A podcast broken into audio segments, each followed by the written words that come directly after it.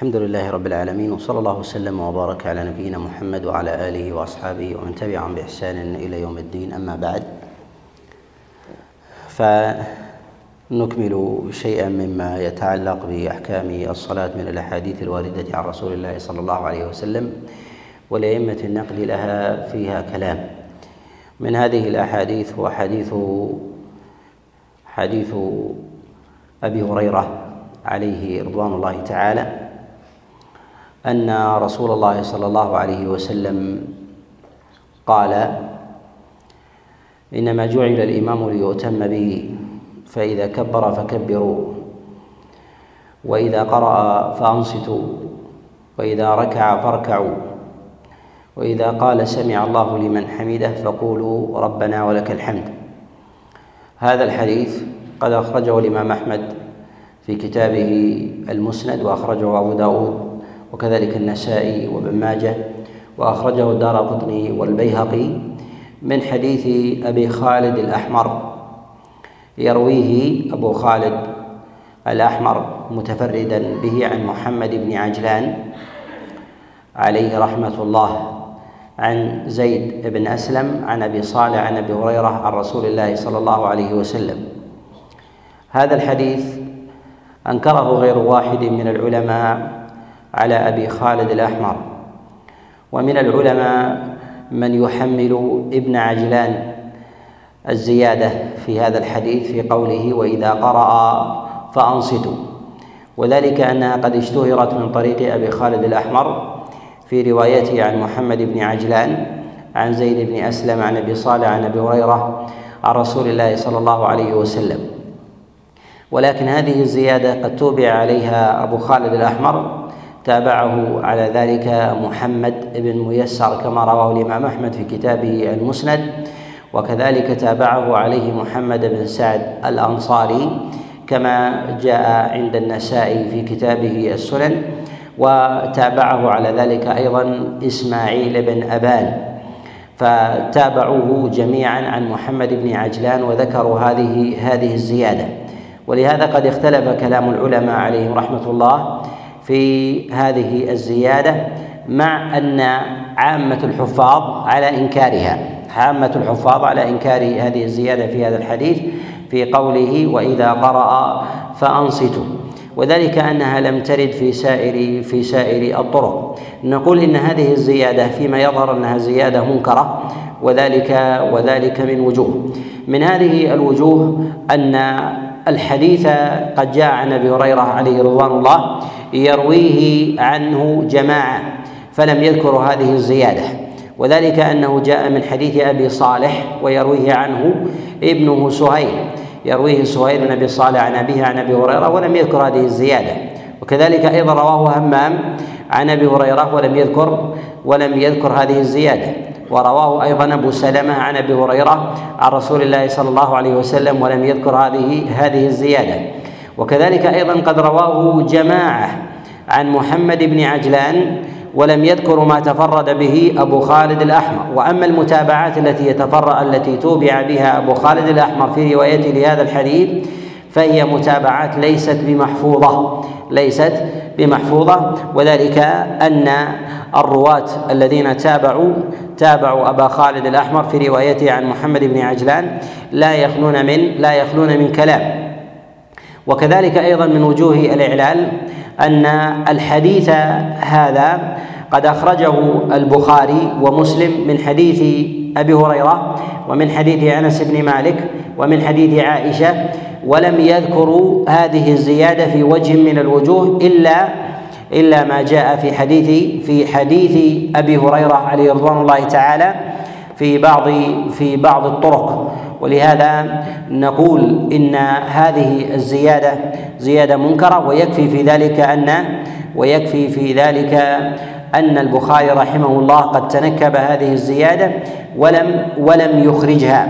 وإنما الخلاف عند الحفاظ عليهم رحمة الله من يتحمل الخطأ في هذه في هذه الزيادة.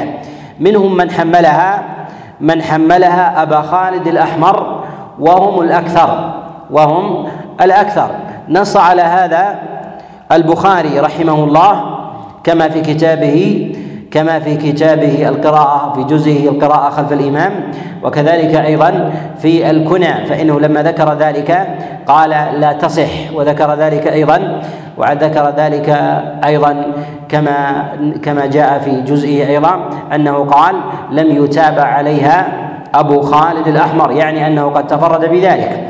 وكذلك أيضا أبو داود رحمه الله في كتابه السنن فإنه لما أخرج هذا هذا الحديث بهذه الزيادة قال هذه الزيادة ليست بمحفوظة تفرد بها أبو خالد الأحمر. وكذلك أيضا الدار قطني والبيهقي وغيرهم من من أئمة النقد. وهذا أيضا ما جزم به ما جزم به يحيى بن معين وكذلك أبو حاتم كما نقله عنه ابنه كما كما في كتاب في كتاب العلل. فكلهم ينكرون ينكرون هذه هذه الزيادة ويردون ويردونها. ينسب للإمام أحمد عليه رحمة الله القول بصحة هذه الزيادة في حديث في حديث أبي هريرة في حديث أبي هريرة.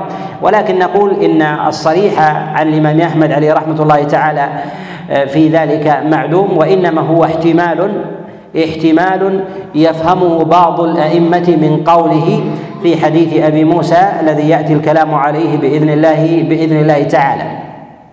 ومن وجوه الإعلال أيضا أن هذه الزيادة جاءت من راو في طبقة متأخرة.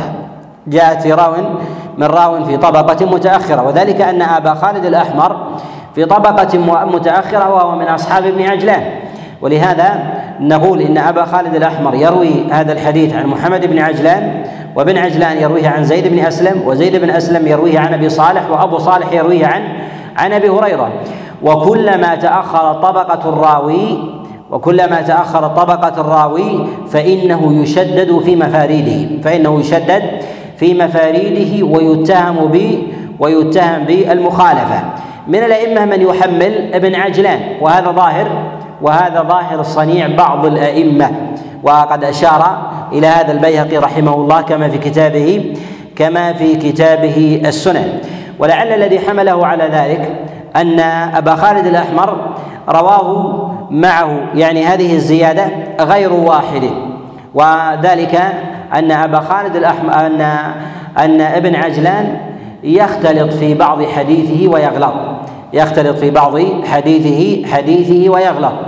ونقول إن هذه الزيادة زيادة منكرة ويكفي في ذلك تنكب البخاري رحمه الله بالإخراج لها في كتابه الصحيح وقد أورد المتابعات في ذلك في جزئه مما يدل على مما يدل على على ردها.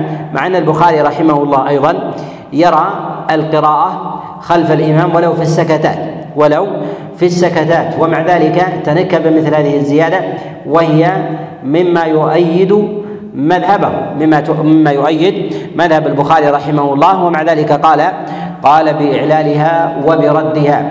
وهذا وهذا هو الأظهر. وذلك آه، فإن جماهير العلماء يقولون يقولون بخلافها. يقولون جماهير العلماء يقولون بها لا يقولون بخلافها وهذا ظاهر صحيح الإمام مالك رحمه الله. فإنه يقول إن الإنسان إذا كان خلف الإمام لا يقرأ. وكذلك الإمام أحمد عليه رحمة الله. وكذلك الإمام الشافعي في قوله القديم في العراق. فإنه يقول أن المأموم إذا كان خلف الإمام في صلاة جهريه فإنه لا يقرأ. فإنه لا يقرأ. وأما في مصر فله في ذلك قوله. قول يوافق قوله في في العراق وقول يقول بوجوب القراءة ولو قرأ في السكتات. والأرجح في ذلك والأرجح في ذلك هو أنه لا يقرأ. وذلك لعموم قول الله جل وعلا فإذا قرئ القرآن فاستمعوا له وأنصتوا. فقد جاء تفسير ذلك أنه القراءة المراد بذلك في الصلاة كما جاء عن عبد الله بن عباس عليه رضوان الله كما رواه سعيد بن جبير عن عبد الله بن عباس أنه سئل عن ذلك فقال فقال في الصلاة وقيل له هي لكل قارئ قال لا إنما هي في الصلاة. وكذلك أيضا جاء عن مجاهد بن جبر كما رواه ابن أبي نجيح عن مجاهد بن جبر أنه قال هي هي في الصلاة. يعني أن الإنسان ينصت ينصت عن القراءة إذا كان الإمام يقرأ. وذلك أن الحكمة من قراءة الإمام ليستمع المعموم لا أن يقرأ على لا أن يقرأ على على قراءته. الحديث الثاني في هذا هو حديث جابر بن عبد الله عليه رضوان الله أنه قال إذا صلى الرجل ركعة لم يقرأ فيها بفاتحة الكتاب فلا صلاة له إلا إن كان وراء إمام وهذا الحديث يرويه يحيى بن سلام يرويه يحيى بن سلام عن مالك بن أنس. صاحب الموطأ الإمام عن أبي نعيم عن وهب بن كيسان عن جابر بن عبد الله. فرفعه عن رسول الله صلى الله عليه وسلم وذلك منكر. وذلك أنه قد تفرد برفعه يحيى بن سلام في روايته عن مالك بن أنس. وخالفه في ذلك محمد بن إبراهيم العبدي. عن محمد بن إبراهيم العبدي عن مالك بن أنس به وجعله موقوفا على جابر بن عبد الله. جعله موقوفا على جابر على جابر بن عبد الله وهذا هو الصواب. وذلك أن الرفع لو كان عند الإمام مالك رحمه الله عن رسول الله صلى الله عليه وسلم لما تركه خاصة أصحابه فإن الإمام مالك رحمه الله لا شك أنه إمام أهل المدينة في السنة والأثر. وأصحابه وأهل الاثار وأهل الآفاق لا يدعون مثل هذا الحديث لو كان عند الإمام مالك مرفوعا. لو كان عند الإمام مالك مرفوعا. وتفرد مثل يحيى بن سلام بروايته عن مالك بن أنس وهو ممن لا يحتج به دليل على نكرته. ولو كان أيضا من الرواة المتوسطين الذين يروون عن الإمام مالك لعد ذلك منكرا. فكيف وهو وهو مطروح. ولهذا يقول البيهقي رحمه الله قال هذا الحديث تفرد به يحيى بن سلام عن مالك عن أبي نعيم عن وهب بن كيسان عن جابر بن عبد الله عن رسول الله صلى الله عليه وسلم ولا تحل روايته إلا ولا تحل روايته للاحتجاج به. وهذا إشارة إلى نكرانه وكذلك أيضا اطراحه من القرائن المهمة التي ينبغي أن يلتفت إليها في أبواب العلل وهي أن الإسناد إذا كان فيه إمام إمام جليل القدر. إذا كان فيه إسناد إمام جليل القدر. فينظر إلى من يرويه عنه. فيطلب أعلى طبقة من تلاميذه. يطلب أعلى طبقة من تلاميذه إذا كان المتن إذا كان المتن قويا. إذا كان المتن المتن قويا. كذلك أيضا ينظر في ذلك إلى مذهبه إذا كان فقيها. ينظر إلى مذهبه إذا كان إذا كان فقيها. فإذا كان فقيها فإن الذي يسعفه في ذلك رواية المرفوع أو رواية الموقوف يسعفه في ذلك رواية المرفوع عن رسول الله صلى الله عليه وسلم فهو أدعى إلى روايته وأولى بإسناده عن رسول الله صلى الله عليه وسلم. واكتفاء الثقات برواية الموقوف عنه المؤيد لمذهبه دليل على أن المرفوع لا يثبت لا يثبت عنده لا يثبت عنده وهذا وهذا من قرائن من قرائن إعلال من قرائن إعلال هذا هذا الحديث ونكرانه مرفوعا. أما عن جابر بن عبد الله فهو صحيح. أما عن جابر بن عبد الله عليه رضوان الله فهو صحيح. فمذهب جابر بن عبد الله أن المأموم لا يقرأ خلف الإمام في الصلاة الجهرية. وهذا مذهب جابر بن عبد الله وعبد الله بن عمر وعبد الله بن مسعود عليهم رضوان الله. وهذا هو المشهور أيضا عند أصحاب رسول الله صلى الله عليه وسلم. كذلك أيضا المشهور في عمل أهل المدينة وهو الذي يقول به الإمام مالك وجمهور الفقهاء الإمام مالك وكذلك أيضا الإمام أحمد وإسحاق وكذلك الإمام الشافعي رحمه الله في العراق. ويخالف في ذلك الإمام الشافعي في أحد قوليه في مصر ويميل أيضا الأوزاعي إلى القول بالقراءة القراءة في كل في كل حين. يقول كيف السبيل إلى معرفة طبقات؟ طبقات أصحاب الإمام. الطبقه العليا والدنيا وكذلك أيضا ما دونها وكذلك أيضا وكذلك أيضا الضعيفة. نقول إن معرفة الطبقات التي آه، تختص بالراوي أو لا تختص به لها سبل متعددة. منها السبر أن يكون الناقد صاحب سبر لهذه المرويات ويكون أيضا من أهل الإكثار بالنظر إلى الأسانيد ومعرفتها فيعرف أن هذا الراوي له أحاديث كثيرة بالروايه عنه وأكثر أحاديثه يرويها يرويها عنه فلان. فإذا كان كثير الاستحضار للمرويات التي يرويها عن ذلك الإمام فإنه يعلم أنه من أهل الاختصاص. ويعرف أيضا هذه الكثرة هل هي مقبولة أو ليست مقبولة وذلك باعتماد الأئمة عليها وذلك بإخراج البخاري لها وكذلك الإمام مسلم واعتماد أهل الأصول بالروايه بالرواية لها. الأمر الثاني أن يعرف ذلك بكلام الأئمة كلام الأئمة، الأئمة عليهم رحمة الله في تراجمهم على الرواة يتكلمون على أخص أصحابه فيقولون أوثق الناس في فلان فلان أوثق الناس في فلان فلان وهذا دليل على أنه في مرتبة عليا في مرتبة عليا من من أصحابه. وكذلك أيضا من معرفة هذه المراتب هو إدامة النظر في كتب العلل. إدامة النظر في كتب في كتب العلل التي تعتني بترجيح المرويات عند الاختلاف بترجيح المرويات عند الاختلاف. وذلك أيضا ك العلل للدار قطني العلل لابن أبي حاتم الجرح والتعديل أيضا ابن أبي حاتم التاريخ للبخاري الكامل لابن عدي وغيرها التي يكون فيها ترجيح لبعض الوجوه ترجيح لبعض الوجوه عند الاختلاف.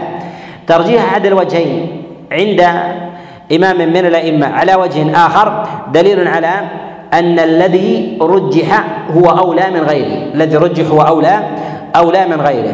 الطريقة الرابعة والوسيلة الرابعة في ذلك هو معرفة أهل بلده من غيره معرفة البلد من غيره. وذلك أن أهل البلد في الغالب أنهم يكونون أهل أهل اختصاص وقرب من ذلك الراوي وقرب من ذلك من ذلك الراوي. لهذا تجد مثلا نافع أقرب الناس إليه بلديه وهو وهو مالك. كذلك أيضا الزهري من أهل المدينة أقرب الناس إليه أهل أهل بلده.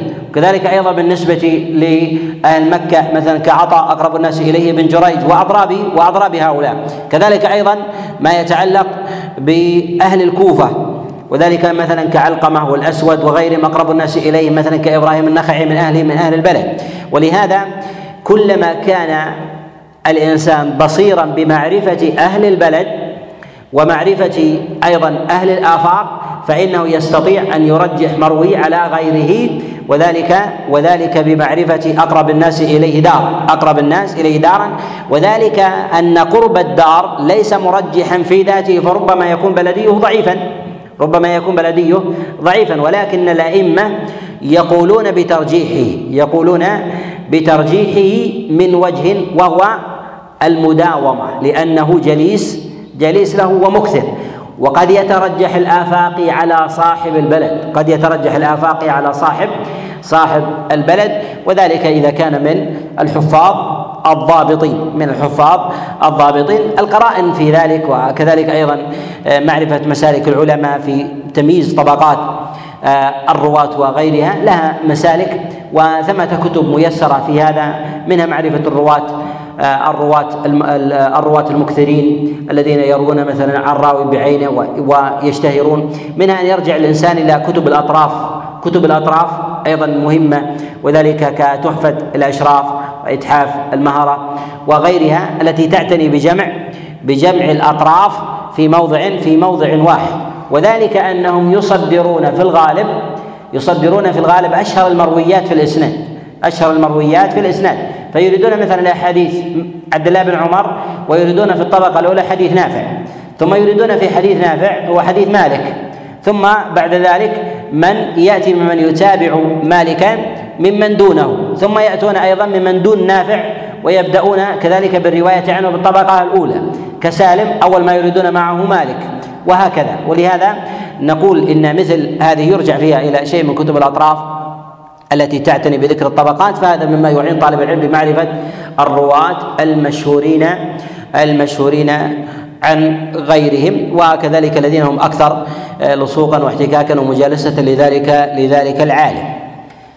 الحديث الثالث هو حديث جابر بن عبد الله عليه رضوان الله تعالى أيضا أن رسول الله صلى الله عليه وسلم قال من كان له إمام فقراءة الإمام له له قراءة هذا الحديث أخرجه الدار قطني في كتابه السنن من حديث الحسن بن صالح بن حي عن ليث بن أبي سليم وجابر عن أبي الزبير عن جابر بن عبد الله عن رسول الله صلى الله عليه وسلم. يرويه الدار قطني في كتابه السنن من حديث الحسن بن صالح بن حي عن ليث وجابر عن أبي الزبير عن جابر بن عبد الله. وجابر هنا جابر بن زيد. وهذا الحديث حديث حديث ضعيف وذلك أنه تفرد به ضعيفان يرويانه عن أبي الزبير عن جابر بن عبد الله ولا متابع لهما مما يعتضد مما يعتضد به. ولهذا يقول البيهقي رحمه الله في كتابه السنن يقول ومن تابعهما فهو أضعف منهما. ومن تابعهما فهو اضعف أضعف منهما. ومسألة المتابعة وقبول رواية الراوي إذا روى حديثا فتابعه راو آخر فتابعه راو راو آخر نقول ينبغي أن يكون ضعف الأول ليس بشديد حتى ينظر في الثاني. وإذا كان ضعف الأول شديدا فإنه لا ينظر لا ينظر في مرتبة ضعف الثاني. لا ينظر في مرتبة ضعف الثاني. ولهذا نقول إن شديد الضعف يرد به الحديث ووجوده كعدمه وينظر إلى الحديث الثاني مستقلا منفردا عن اقترانه عن اقترانه بالأول. وكذلك أيضا من قرائن ضعف الحديث في باب المتابعة أن يجمع في إسناد واحد أن يجمع في إسناد واحد حديث حديث راويين ضعيفين. وذلك كما في هذا الحديث يقول عن ليث وجابر في حديث واحد. فما لفظهما؟ فما لفظهما؟ تمييز هذين الراويين في حديثهما عن بعضهما.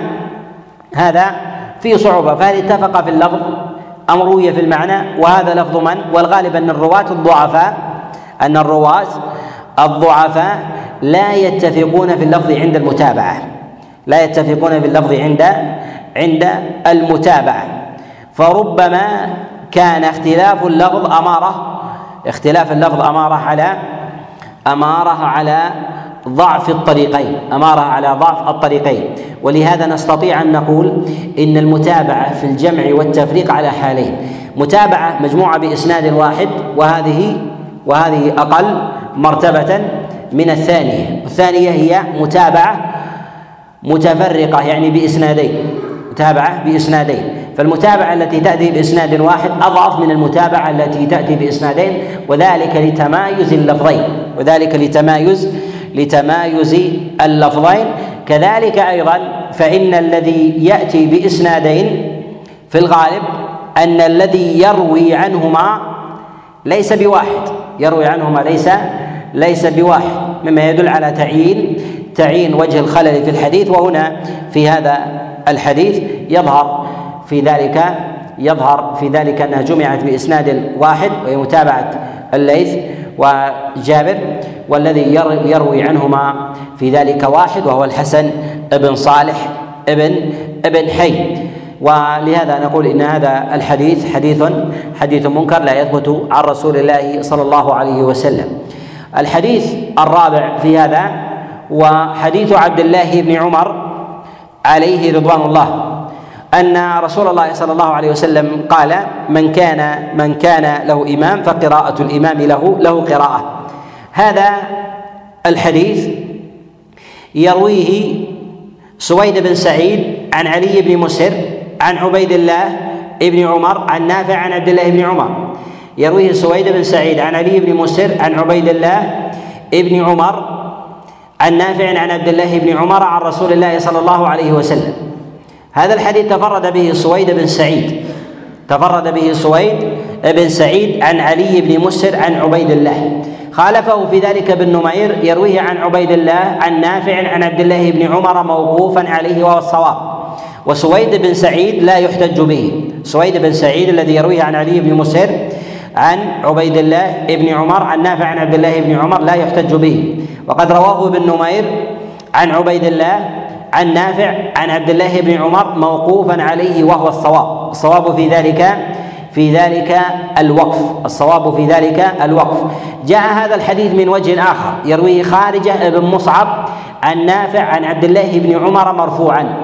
عن عبد الله بن عمر مرفوعا.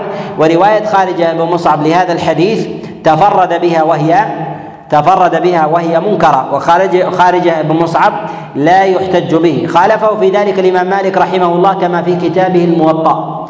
خالف خارجة مالك رحمه الله عن نافع عن عبد الله بن عمر وجعله موقوفا.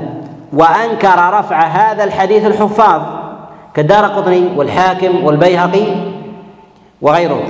ويكفي في ذلك أنه اجتمع أوثق أصحاب نافع. في رواية هذا الحديث عن عبد الله بن عمر موقوفا. عن عبد الله بن عمر موقوفا عليه. وهم الإمام مالك وعبيد الله عن نافع عن عبد الله بن عمر موقوفا موقوفا عليه وهو وهو الصواب. وكذلك أيضا من القرائن في ذلك الترجيح أن العمدة عند الاختلاف على مالك ما يذكره مالك في الموطأ. ما يذكره مالك؟ مالك في الموطأ. وما ذكره الإمام مالك رحمه الله في ذلك هو الحديث الموقوف على عبد الأثر الموقوف على عبد الله بن عمر ولم يسنده ويجعله مرفوعا. كذلك أيضا من من القراء أن هذا الحديث لو كان مرفوعا عند الإمام مالك لما تركه خاصة أصحابه ولا يتفرد به ولم يتفرد به مثل مثل سويد بن سعيد عن علي بن مسهر عن عبيد الله وكذلك أيضا فإنه لعبيد الله من الأصحاب الثقات ما يروون ويضبطون حديثهم ممن هم أجل من علي بن مسلم من علي بن مسلم في رواية لهذا الحديث ولهذا نقول إن الصواب في هذا الحديث إنه موقوف وأما الرفع فمنكر وأما الرفع الرفع فمنكر. الحديث الخامس في هذا وحديث أبي موسى الأشعري عليه رضوان الله أن رسول الله صلى الله عليه وسلم قال إنما جعل الإمام ليؤتم به فإذا كبر فكبروا وإذا قرأ فأنصتوا. هذا الحديث حديث أبي موسى ومشابه لحديث أبي هريرة الذي استفتحنا به. مشابه لحديث أبي هريرة الذي استفتحنا به. هذا الحديث قد أخرجه أبو يعلى في كتابه المسند ورواه الدار قطني ورواه البيهقي وغيرهم. يرونه من حديث جرير عن سليمان التيمي عن قتادة عن يونس بن جبير عن حطان عن أبي موسى عن رسول الله صلى الله عليه وسلم. وهذا الحديث أيضا مما وقع الإشكال فيه في زيادة وإذا قرأ فأنصتوا. وإذا قرأ فأنصتوا. وهذه الزيادة زيادة منكرة. وهذه الزيادة زيادة منكرة. وقع فيها فيها اختلاف. وذلك أنه يرويها سليمان التيمي عن قتادة. يرويها سليمان التيمي عن قتادة. وأعل هذه الزيادة عامة الحفاظ على نكران هذه الزيادة. أنكرها البخاري رحمه الله أنكرها؟ البخاري رحمه الله كما في جزئه. وأنكرها كذلك أبو داود. وأنكرها أبو داود. وأنكرها أيضا الدار قطني. وأنكرها أبو مسعود الدمشقي. وغيرهم من من الأئمة على نكران هذه هذه الزيادة. على نكران هذه الزيادة. وذلك من وجوه الوجه الأول أن هذا الحديث يرويه أوثق أصحاب قتادة ولا يذكرون فيه وإذا قرأ فأنصتوا. وذلك كشعبة بن الحجاج وهشام الدستوائي وسعيد بن أبي عروبة وأبان وغيرهم يروونه عن قتادة عن يونس بن جبير ولا يذكرون وإذا قرأ فأنصتوا. ولا يذكرون وإذا قرأ قرأ فأنصتوا فدل على فدل على أن تفرد التيمي بها عن قتادة أنه مما مما يؤاخذ مما يؤاخذ به عادة. وكذلك أيضا من قرائن الإعلال أن التفرد بمثل هذه الزيادة أيضا جاء في طبقة متأخرة جاء في طبقة متأخرة. وذلك أنه يرويه سليمان التيمي عن قتادة ويرويه قتادة عن يونس بن جبير ويرويه يونس بن جبير عن حطان ويروي حطان عن أبي موسى الأشعري عن رسول الله صلى الله عليه وسلم. ومثل هذه إذا لم توجد في طبقة من الطبقات. وكذلك أيضا لم يروه الثقات الكبار من أصحاب من أصحاب قتادة فهذا أمارة أمارة أيضا على على نكارتها أمارة على على نكارتها. ولكن ما ذكره الإمام مسلم رحمه الله في كتابه في كتابه الصحيح. لما سئل عن هذه الزيادة عن هذا الحديث قال هو عندي صحيح. قيل لما لم تضعه في الكتاب؟ لم تضعه في الكتاب؟ قال ليس كل شيء عندي صحيح وضعته وضعته فيه وإنما وضعت ما اجمع ما أجمع عليه. وكذلك أيضا ما ذكره الأثرم عن الإمام أحمد رحمه الله أنه سئل عن هذا الحديث. سؤالا ففهم منه بعض الأئمة أنه يقول بصحتها. وذلك أن الإمام أحمد رحمه الله سئل عن حديث قال وإذا قرأ فأنصتوا قال يرويه التيمي عن قتادة. يرويه التيمي عن قتادة. ويرويه عن التيمي جرير. قيل له للإمام أحمد زعموا أنه يرويه المعتمر ابن سليمان يعني يتابع فيه جرير. قال نعم وماذا تريد؟ يعني ان كأنه يقول أن هذا أن هذا مفروغ منه يعني كأنك تبحث عن علة غير موجودة. فهم ابن عبد البر رحمه الله من الامام من كلام الإمام أحمد هذا أنه يقول بصحة هذه الزيادة. ولهذا يقول صححها الامام الإمام أحمد. كذلك أيضا ما جاء في كلام الإمام مسلم رحمه الله في قوله هو عندي صحيح لما ذكر لما اخرج ذكر هذه اللفظة. من العلماء من قال إن الإمام مسلم رحمه الله يرى تصحيحها ومنهم من يقول إنه لا يرى تصحيح. إنه لا يرى لا يرى تصحيحها. وإن وأما ذكر الإمام مسلم رحمه الله لقوله وعندي صحيح المراد بذلك هو أصل هو أصل مخرج الحديث لللفظة بذاتها.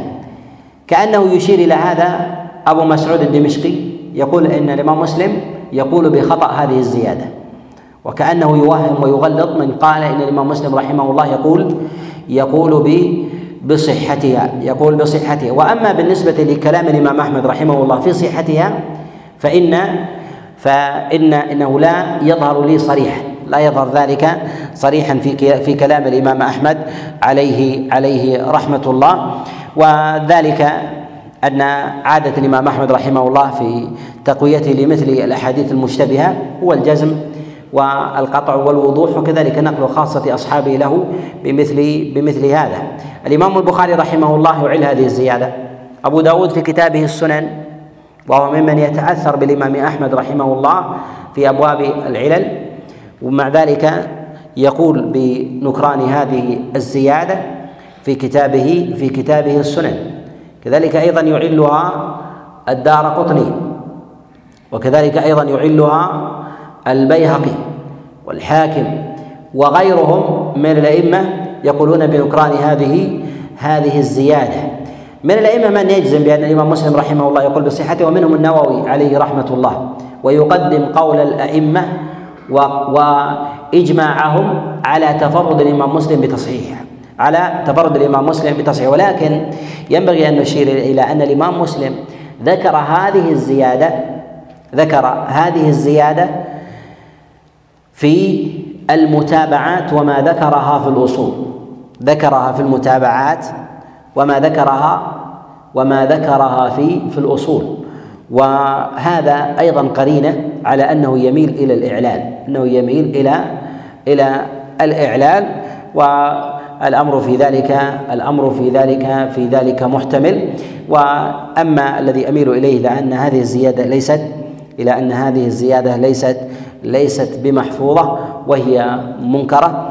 ويجزم بذلك على ما تقدم البخاري رحمه الله ويجري على قوله جماعة من الأئمة في مثل في مثل هذا. الحديث السادس في هذا هو ما جاء في حديث الزهري عن ابن أكيمة عن أبي هريرة أن رسول الله صلى الله عليه وسلم قام يصلي بالناس فلما انفتل من صلاته قال أيقرأ أحد منكم القرآن؟ قالوا نعم. قال فإني أقول ما لي أنازع القرآن. ما لي أنازع القرآن.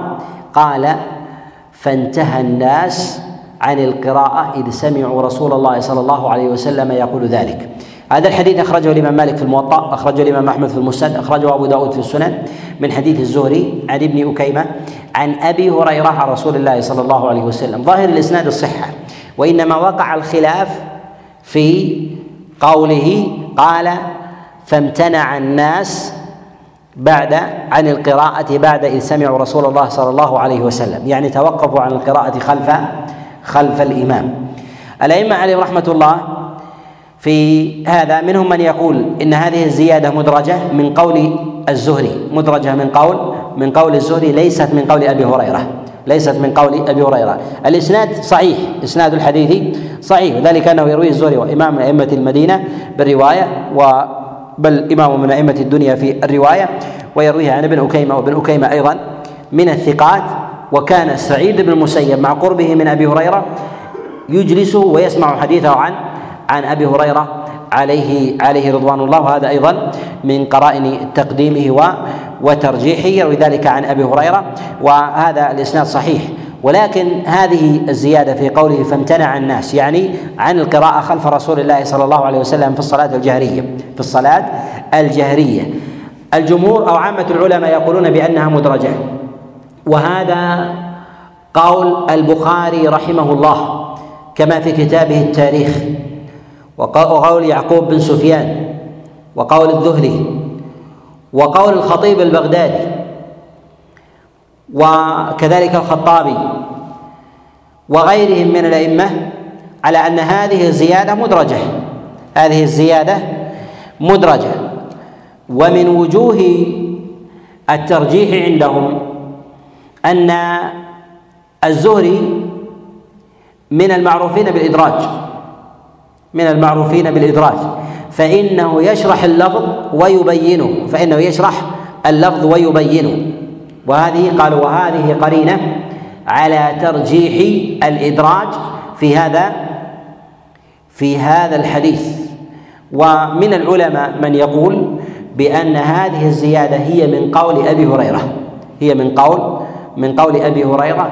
قالوا ولها في ذلك حكم الرفع ولها في ذلك حكم حكم الرفع والذي يظهر والله أعلم أن هذه الزيادة زيادة مدرجة وذلك لعادة أبي هريرة لعادة الزهري عليه رحمة الله وذلك بشرح الألفاظ وبيان المعاني فله عادة في ذلك ربما ينقلها بعض أصحابه عنه ولا ولا يبينون بعض أصحابه عنه ولا ولا ولا يبينون.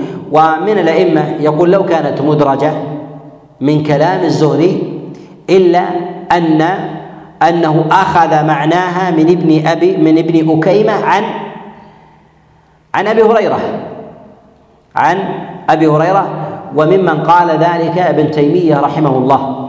ابن تيمية رحمه الله. وذلك أنه يقول إن أن الزهري عليه أن الزهري هو فقيه وإمام المدينة أيضا في الفقه فإنه لا يأخذ مثل هذا المعنى إلا ولديه ولديه إسناد إسناد فيه. وله إسناد إسناد فيه. فإن هذا تحديث عن الصحابة عليهم رضوان الله تعالى. فربما حكى ذلك عملا. ربما حكى ذلك عملا. شهده من بعض كبار التابعين. فنقلوه ولو من غير هذا ولو من غير هذا الوجه. ولهذا نقول إن هذه الزيادة هي من قول الزهري هذا الذي اميل إليه بل ربما أقطع به. وأما بالنسبة لهل أسندها في ذلك أو تحمل على رواية مسندة نقول حكمها في ذلك حكم المراسيل. حكمها في ذلك هي حكم حكم المراسيل. ولا يلزم لأننا أمة إسناد فلا بد من النظر في إسناد في ذلك. وذلك أن الزهري رحمه الله معروف بالإرساء يرسل وكذلك أيضا معروف بالإدراج معروف بالإدراج وكذلك أيضا في التوسع في بيان المعاني في ثنايا الحديث. ولهذا ربما أخرج البخاري رحمه الله له في كتابه الصحيح أحاديث طوال وفيها شيء من الألفاظ التي تتضمن ذلك ذلك الحديث وهي من وهي من مدرجات الزهري ويكفي في هذا وحديث عائشة الطويل في بدء الوحي وقد أدرج فيه جملة من الألفاظ التي التي هي من قوله لا من قول عائشة عليها رضوان الله تعالى ولا من قول أيضا من يروي من يروي عنها. وأما هذه المسألة وهي مسألة القراءة خلف الإمام فنقول إن العلماء في الصلاة السرية من السلف لا يكادون يختلفون أنه يجب على على المأموم والإمام القراءة. وثمة قول يسير لبعض السلف أنهم يقولون أن المأموم ليس عليه شيء سواء كان في سرية أو أو في أو في غيرها. وأما بالنسبة للصلاة الجهرية أما بالنسبة للصلاة الجهرية فعامة السلف من الصحابة وأهل المدينة ومكة على أن الإنسان إذا كان في صلاة جهرية فإنه ينصت وإنما يختلفون هل يقرأ في سكتات الإمام أم لا يقرأ. وجمهورهم على أنه لا يقرأ ما دام خلف الإمام. وأما بعضهم فيرى السكوت عند القراءة والقراءة عند عند الإنصات. وأما إذا كان المأموم لا يقرأ الإمام يقرأ والمأموم لا يسمعه لبعد مكانه لبعد مكانه أو لكثرة الناس أو لضجيج في المسجد أو الإمام لا يبين بارتفاع صوت ونحو ذلك. يقولون بأن المأموم يقرأ في ذلك لانتفاء العلة التي أمر الله عز وجل لأجلها بالإنصات. والمترجح في هذا أن المأموم لا يقرأ خلف الإمام في الصلاة الجهرية وأما بالنسبة للصلاة السرية فإنه يقرأ مكلف في ذلك مأمور بالقراءة لا بالإنصات لأن إنصاته في ذلك لا معنى له وذلك لعموم قول النبي عليه الصلاة والسلام لا صلاة لمن لم يقرأ بفاتحة الكتاب وهي شاملة لكل لكل مصلي سواء كان منفردا أو إماما أو مأموما للذكر وكذلك أيضا للأنثى وإنما استثنينا الصلاة الجهرية لتضافر الأدلة في ذلك من الكتاب والسنة وأقوال الصحابة. وهذا القول الذي الذي ذكرته ورجحته والذي ذهب إليه ذهب إليه جماعة من الصحابة وهو قول عبد الله بن مسعود وعبد الله بن عمر وجابر بن عبد الله عليهم رضوان الله تعالى وهذا قول جماهير الفقهاء ويميل إليه جماعة من الأئمة من المحققين. أسأل الله عز وجل لي ولكم التوفيق والسداد والإعانة إنه ولي ذلك والقادر عليه. صلى الله وسلم وبارك على نبينا محمد.